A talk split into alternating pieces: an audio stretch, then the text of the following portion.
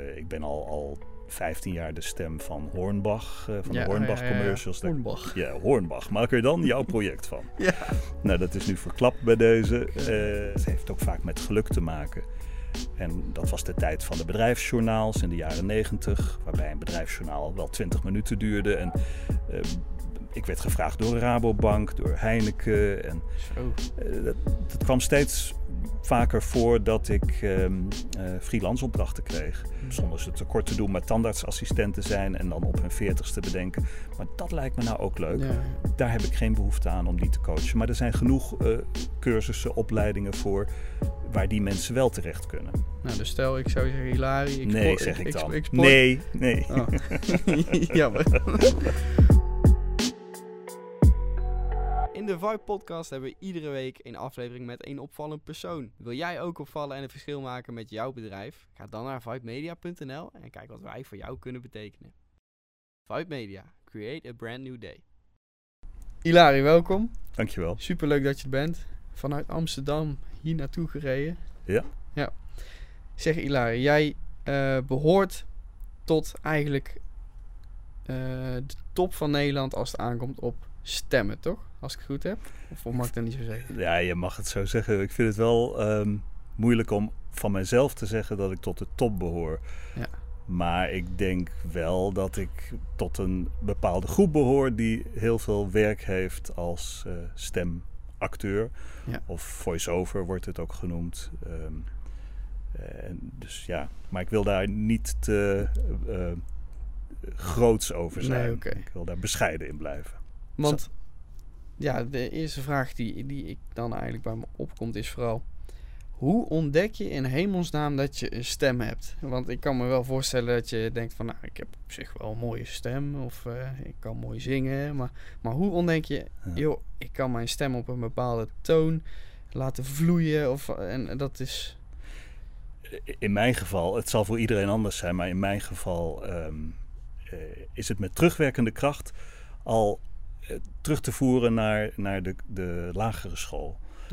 Misschien zelfs eerder, maar eh, daar hadden we het spelletje lezen tot een fout. Ik weet niet of je daar iets bij voor kan stellen. Eh, ik kan me herinneren, dat was toen nog eh, de vierde klas, dat is inmiddels groep zes, denk ik. Dat vind ik heel lastig om dat snel...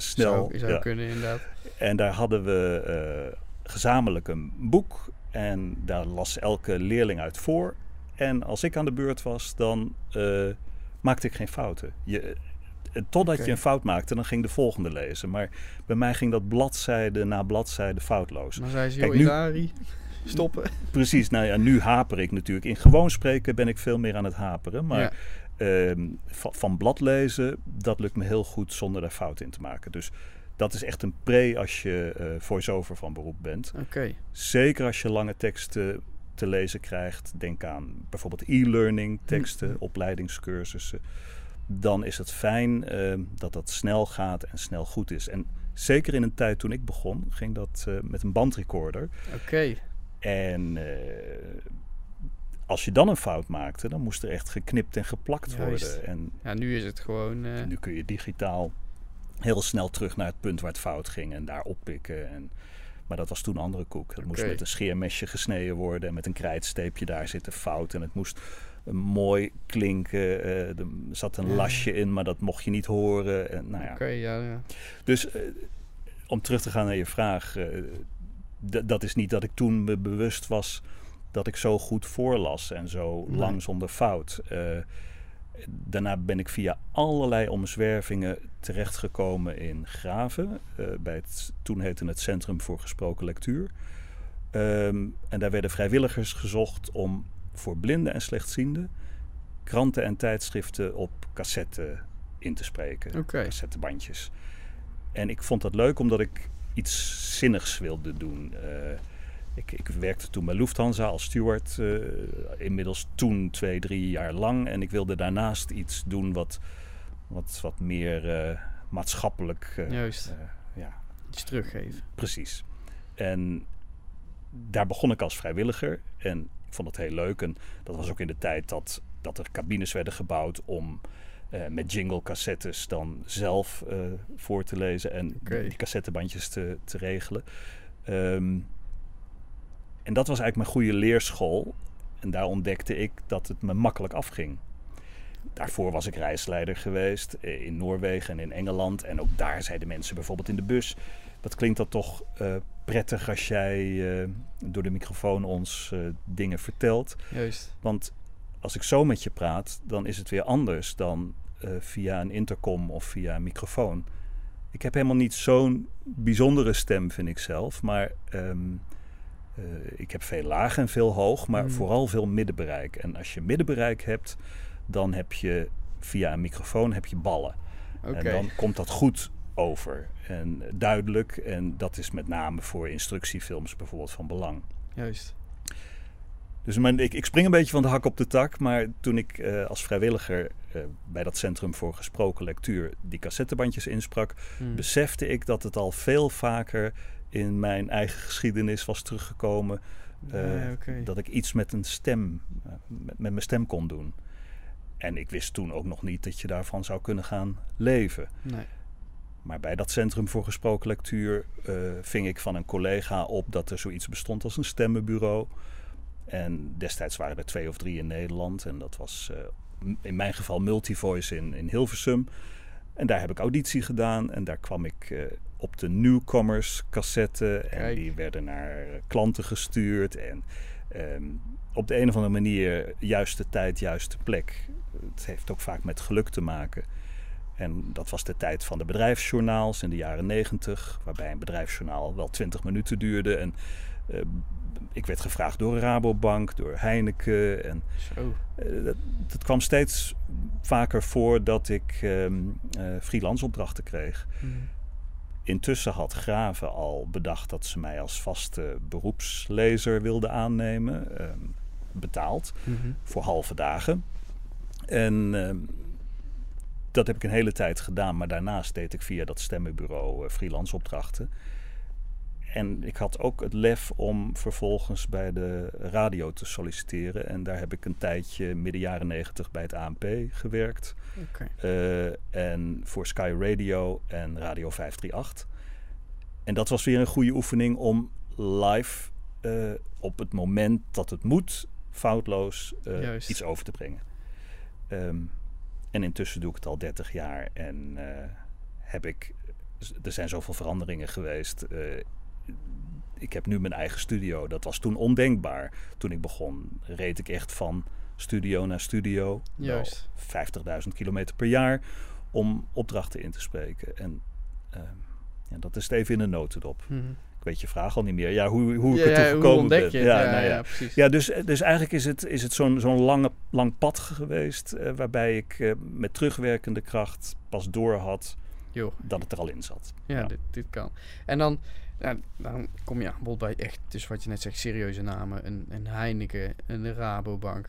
En uh, dan groei je inderdaad, inderdaad naar, naar, naar, een eigen studio. Ik ben ook een paar keer bij jouw studio binnen ja. geweest. Ik vind het wel, wel tof om te zien of zo. Ja. En dat je vertel je ook, ja, en dan ga ik hier zitten en dan bereid ik me voor en dan ga ik lezen. En, en, en over voorbereiden, doe je dan ook echt van, van, die, van die...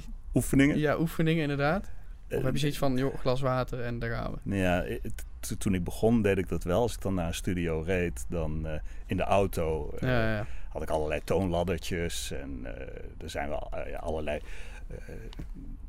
ja, melodietjes die je kunt zingen en, en spreken om je stem los te krijgen. Maar eigenlijk doe ik dat niet meer. Nee. Dat gaat me vanzelf af. Maar ik onderhoud mijn stem wel goed. Dat wil Hoe zeggen, ik, ik, rook niet, ik drink nee. niet. En um, één keer in de maand ga ik naar een, een masseuse. en die dat heet Vocal Massage, een vrouw uit Veghel hier. Okay. En die uh, maakt vooral de, de spieren rond de stembanden heel los.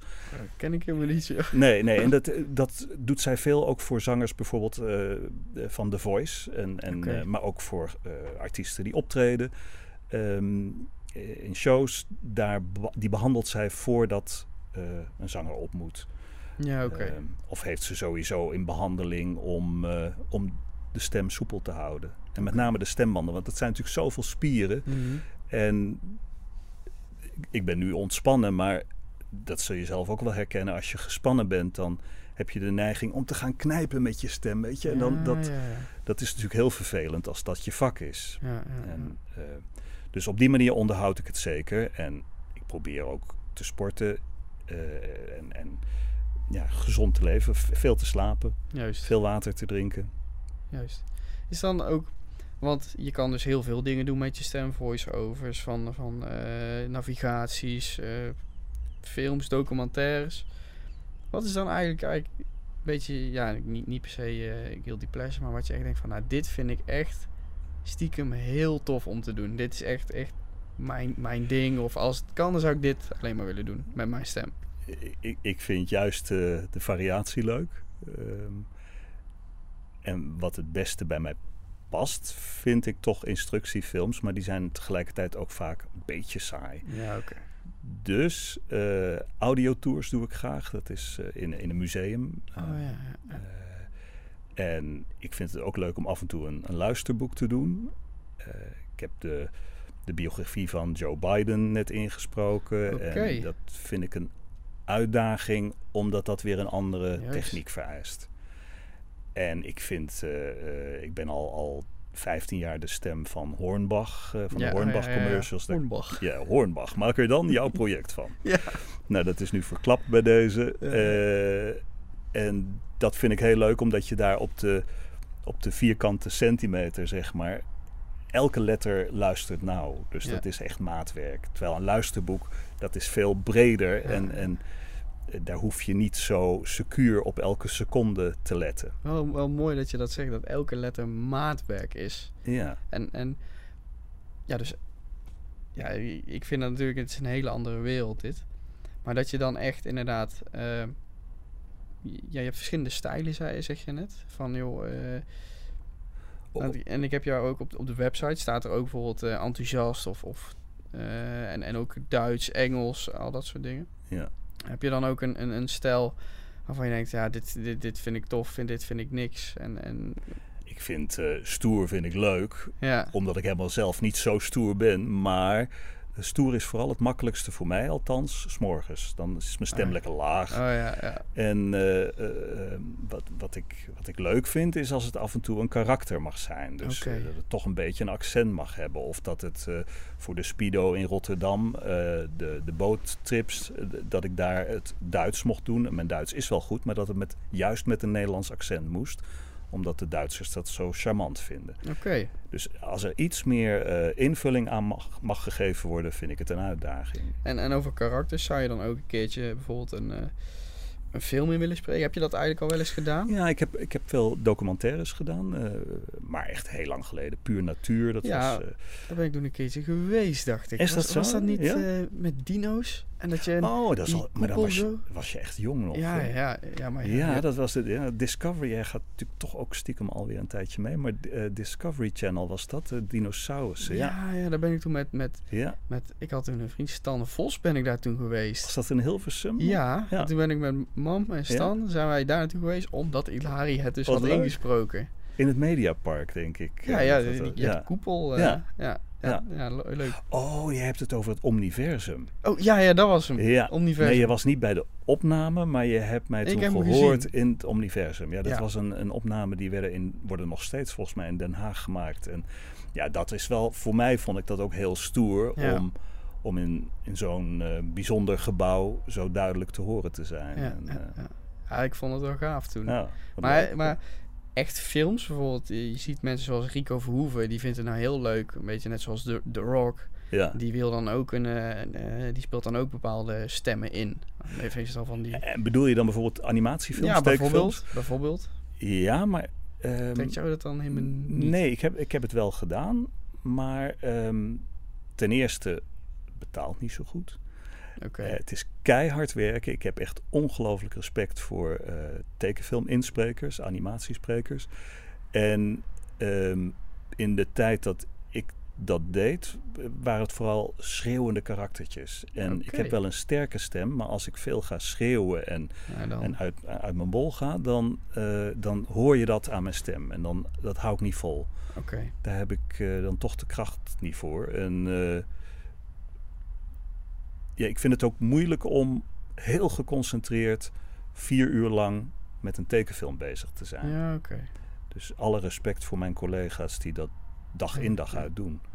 Ja, Eh, het lijkt me zelf altijd ja. wel leuk om Ja, het in lijkt iedereen leuk. Maar ik, ik, ben meer, ik heb dan toch meer een, een journalistieke achtergrond Ja, dan de meeste tekenfilminsprekers. Want hoe, hoe ziet, ziet jouw dag er bijvoorbeeld uit? Je staat op en dan, eh, eh, stel je hebt een opdracht gepland staan, dan, eh, ja, hoe gaat dat in zijn werking eigenlijk? Te- tegenwoordig eh, per mail meestal. Mhm. Ik probeer dan toch vaak nog de klant te bellen, omdat ik het belangrijk vind een eh, klantcontact te onderhouden. Mhm. En ehm, omdat het zo op afstand is en digitaal heb je dat weinig. Je hebt weinig live contact. Dus Klopt. daarom probeer ik ze te bellen. Ehm, maar goed, er komt 's morgens een opdracht binnen bijvoorbeeld en ik wil het altijd wegwerken. Ik ben van een eh, clean desk policy, dus dan ga ik in mijn duster, ga ik eh, mijn hok in Ja, eh, ja. met de koffie ernaast en inspreken. En ik bereid me nauwelijks voor. Ik begin vaak meteen. juist. En de tekstjes tegenwoordig zijn vaak kort, onder de vijf minuten. Dus dan maak ik een paar opnames en dat stuur ik dan op. Ja, dan kunnen ze kiezen welke. Ja, en er wordt heel weinig gepland. Dus eh, vanmorgen was er bijvoorbeeld een klant die wilde even over de stijl eh, vergaderen via eh, Teamviewer. Mhm. En dat heb ik daarna meteen ingesproken, maar nog niet geknipt en geplakt. Nee, niet geëdit, dus dat doe ik dan van, vanmiddag. Ja, ja. Ehm, maar ik kan niet zeggen hoe mijn dag eruit ziet. Omdat ik. Als Heel ik divers. eh, ja, als ik nu naar mijn agenda van volgende week kijk, is het helemaal leeg. En ik weet nu al dat het vol gaat lopen. En vol lopen, dat wil niet zeggen dat ik dan van 's morgens vroeg tot 's avonds laat aan het inspreken ben. Maar wel met werk bezig. ja, Eh, ja. toch eh, offertes maken. ehm, dan komt er weer een vraag uit het buitenland. eh, wat, wat Nederlandse stemmen kosten. Een collega wil iets weten. juist. Ehm, het echte inspreken is eigenlijk maar een heel klein onderdeel van. Ja, heel veel de doe. grote dingen eromheen. Eromheen, ja. Eromheen inderdaad. Ja. Ja. apart is dat. Terwijl, ja, ik zei net ook al een heel, heel andere, andere business, maar dan toch, je, dan, dan stel, stel je zou iets anders moeten doen, of stel je zou moeten gaan kijken van, joh, eh, ik, ik, ik ga iets anders doen, wellicht wel iets, iets nog met mijn stem erbij, eh, laten we zeggen coaching. Wat, wat zou jou dan nog liggen om als je zou denken van, nou weet je, ik, ik doe dit, maar ik ga nou iets anders doen. Iets heel anders. Ja, goeie, goeie vraag. Eh, ik heb nooit de ambitie gehad om in beeld te presenteren. Dat wordt wel eens gevraagd. Waarom wilde je dat nooit doen? Of ehm, daar ben ik te, toch te verlegen voor. Weet je, wat Ja. ik leuk vind met dat stemmenwerk, ik druk mijn stempel erop, maar je ziet me niet Nee. in principe. En eh, ik heb ook niet zoveel geduld. Dus eh, bij dat inspreken, ik doe mijn kunstje en daarna is het product ook meestal af. Hè? Dus Ja, ja. het laatste onderdeel van een, van een video. Eh strikt eromheen en klaar. En Mhm. dat vind ik heel fijn. Bij mij gaat ook meteen de rekening erachteraan, een soort Ja, kassabonnetje Ja, gewoon en, hier en door. stem en gelijk de factuur. Ja, ja. ja. Daar, eh, ik word ook wel eens eh, door collega's en sommige klanten gezien als een, iemand van de vakbond die, die heel streng op zijn strepen staat. Maar ja, ik probeer altijd streng maar rechtvaardig te zijn. Ja, nee, maar dat mag ook natuurlijk wel. Hè? Ik bedoel, Maar je, je vroeg of ik nog een ambitie had. Als het gaat om coaching, doe ik dat wel. Maar tegenwoordig, en zeker in deze coronatijd, wil iedereen eh, iets doen wat je thuis zou kunnen eh, Mm. doen. En veel acteurs bedenken nu ook, nu ze weinig of geen werk hebben, ik ga me toch meer toeleggen op dat stemmenwerk. Nou vind ik het heel leuk om acteurs te coachen, omdat die al veel kunnen. Eh, maar ik heb geen behoefte om mensen die nog nooit iets met hun stem hebben gedaan, die bijvoorbeeld hun leven lang, eh, zonder ze tekort te doen, maar tandartsassistenten zijn en dan op hun veertigste bedenken. Maar dat lijkt me nou ook leuk. ja. Daar heb ik geen behoefte aan om die te coachen. Maar er zijn genoeg eh, cursussen, opleidingen voor waar die mensen wel terecht kunnen. Nou, dus stel, ik zou zeggen, Hilari. Ik nee, zeg ik, dan. ik nee, nee. Oh. Jammer. Wat was je vraag? Ja, dat was de vraag. Ja, ja. maar, eh, maar dus, en, en stel, helemaal buiten stemmen, is er dan toch nog iets, want je was steward, zei je? Ja, steward, reisleider. In de horeca heb ik lang gewerkt, op een cruiseschip gevaren. Dit is eh, wat, ik, eh, wat ik kan en wat ik blijf doen, denk ik. Maar stel dat er iets met mijn stem zou gebeuren waardoor het niet meer kan, dan komt er wel weer wat anders. Maar ik Hm. kan niet zeggen dat ik nog een grote ambitie heb. Dat klinkt een beetje. Nee, ik ben tevreden zoals het is. Dus nou, ik- dat is ook goed natuurlijk. ja, Dat is ook goed. ja. En dan eh, misschien dan al- ja, al- als laatste van nou, dus mocht je ooit, mocht je acteur zijn en je zou je stem willen ja, nou, laten coachen, dan, dan kun je naar je auto. En als je, als je nog geen ervaring hebt, dan moet je dat dus niet doen. Eh, Niet bij mij. Niet- maar dan kan ik je wel helpen. Je, je, mag een mail, je mag een mailtje sturen en dan verwijs ik je wel door naar iemand die. eh, Bij mij lijkt het zelf dus ook wel heel leuk om iets met mijn stem te doen. ja, Maar wat, ja, ja. ik zou mijn god niet weten. Weet je, eh, als je echt nog. Iedereen gebruikt zijn stem, dus, Hmm. maar dat is wat anders dan ermee werken. Ehm, het begin is, ga naar een lokale omroep, een radioomroep of een Juist. ziekenomroep als die nog bestaan. Ik heb geen idee. Je moet kilometers maken om te, Hmm. te oefenen. ehm, voordat je überhaupt een verdere stap zou kunnen maken richting eh, een carrière als stemacteur. Ja, ja. ja, en het is ook het is een lastige carrière om er echt, echt je brood in te verdienen. ja. Ik denk ook, ik ben ervan overtuigd en als dat, eh, als dat een, eh, een foute benadering is, moet je het zeggen. Maar is het ook zo, kijk, eh, om er te komen is zwaar, maar als je er bent, dan ben je er ook. Of is het dan ook echt van, oké, een beetje king of the hill, eh, nou ben ik er, maar ik moet ook echt wel... Nou ja, ik ben wel in een tijd begonnen dat het niet zoveel mensen waren die dat deden. Eh, Voor mijn tijd had je echt maar een handjevol mensen. En nu eh, is, is die pool van stemmen veel en veel groter. Ja, En eh, in alle gradaties, variaties, prijsklassen, eh, toch ja, prijs ik mezelf gelukkig en tel ik mijn zegeningen dat ik mijn sporen heb verdiend. Maar ik ben er niet. Als ik nou Nee. helemaal nooit meer iets van mij laat horen eh, in een acquirerende vorm of ehm, door niets meer op internet eh, eh, te zetten, eh, op nee, een dus YouTube-kanaal. je moet of, wel werven. je moet, ja, ik vind wel dat je, daar gaat het volgens mij om. Je moet zichtbaar blijven op de, op de radar van Mhm. klanten en van potentiële klanten. En ik doe dat dus ook door te bellen en te zorgen dat ze aan me denken. En, en ook veel meer dan vroeger iets meer van je privéleven laten zien. Ja, persoonlijk Echt, dat, ja, ja, dat verbaast me. Want in opdrachten zijn mensen helemaal niet zo geïnteresseerd wat ik allemaal heb gedaan. Nee. Ze vinden het veel leuker als ze zien dat ik in mijn duster, maar dat laat ik niet zien, in, mijn- in mijn biggetjesroze studio eh, Ja, sta in te ja, spreken. Ja. Eh, maar dat spreekt veel meer tot de verbeelding eh, dan, dan keurige gelikte producties. Ja, precies. precies. Ik vind dat wel een eh, mooie afsluiter. Ja. Dus bij deze wil ik jou heel erg bedanken. En mocht ik ooit eh, toch wel iets van coaching willen qua voice, dan ga je het toch misschien horen. Nee. Dan, het. dan stuur jij een cursus naar me toe. Maar helemaal goed. Eh, super bedankt. Graag en ik gedaan. denk dat eh, de luisteraars ook een hele mooie podcast nou gaan luisteren. Dankjewel, Marnix. Leuk.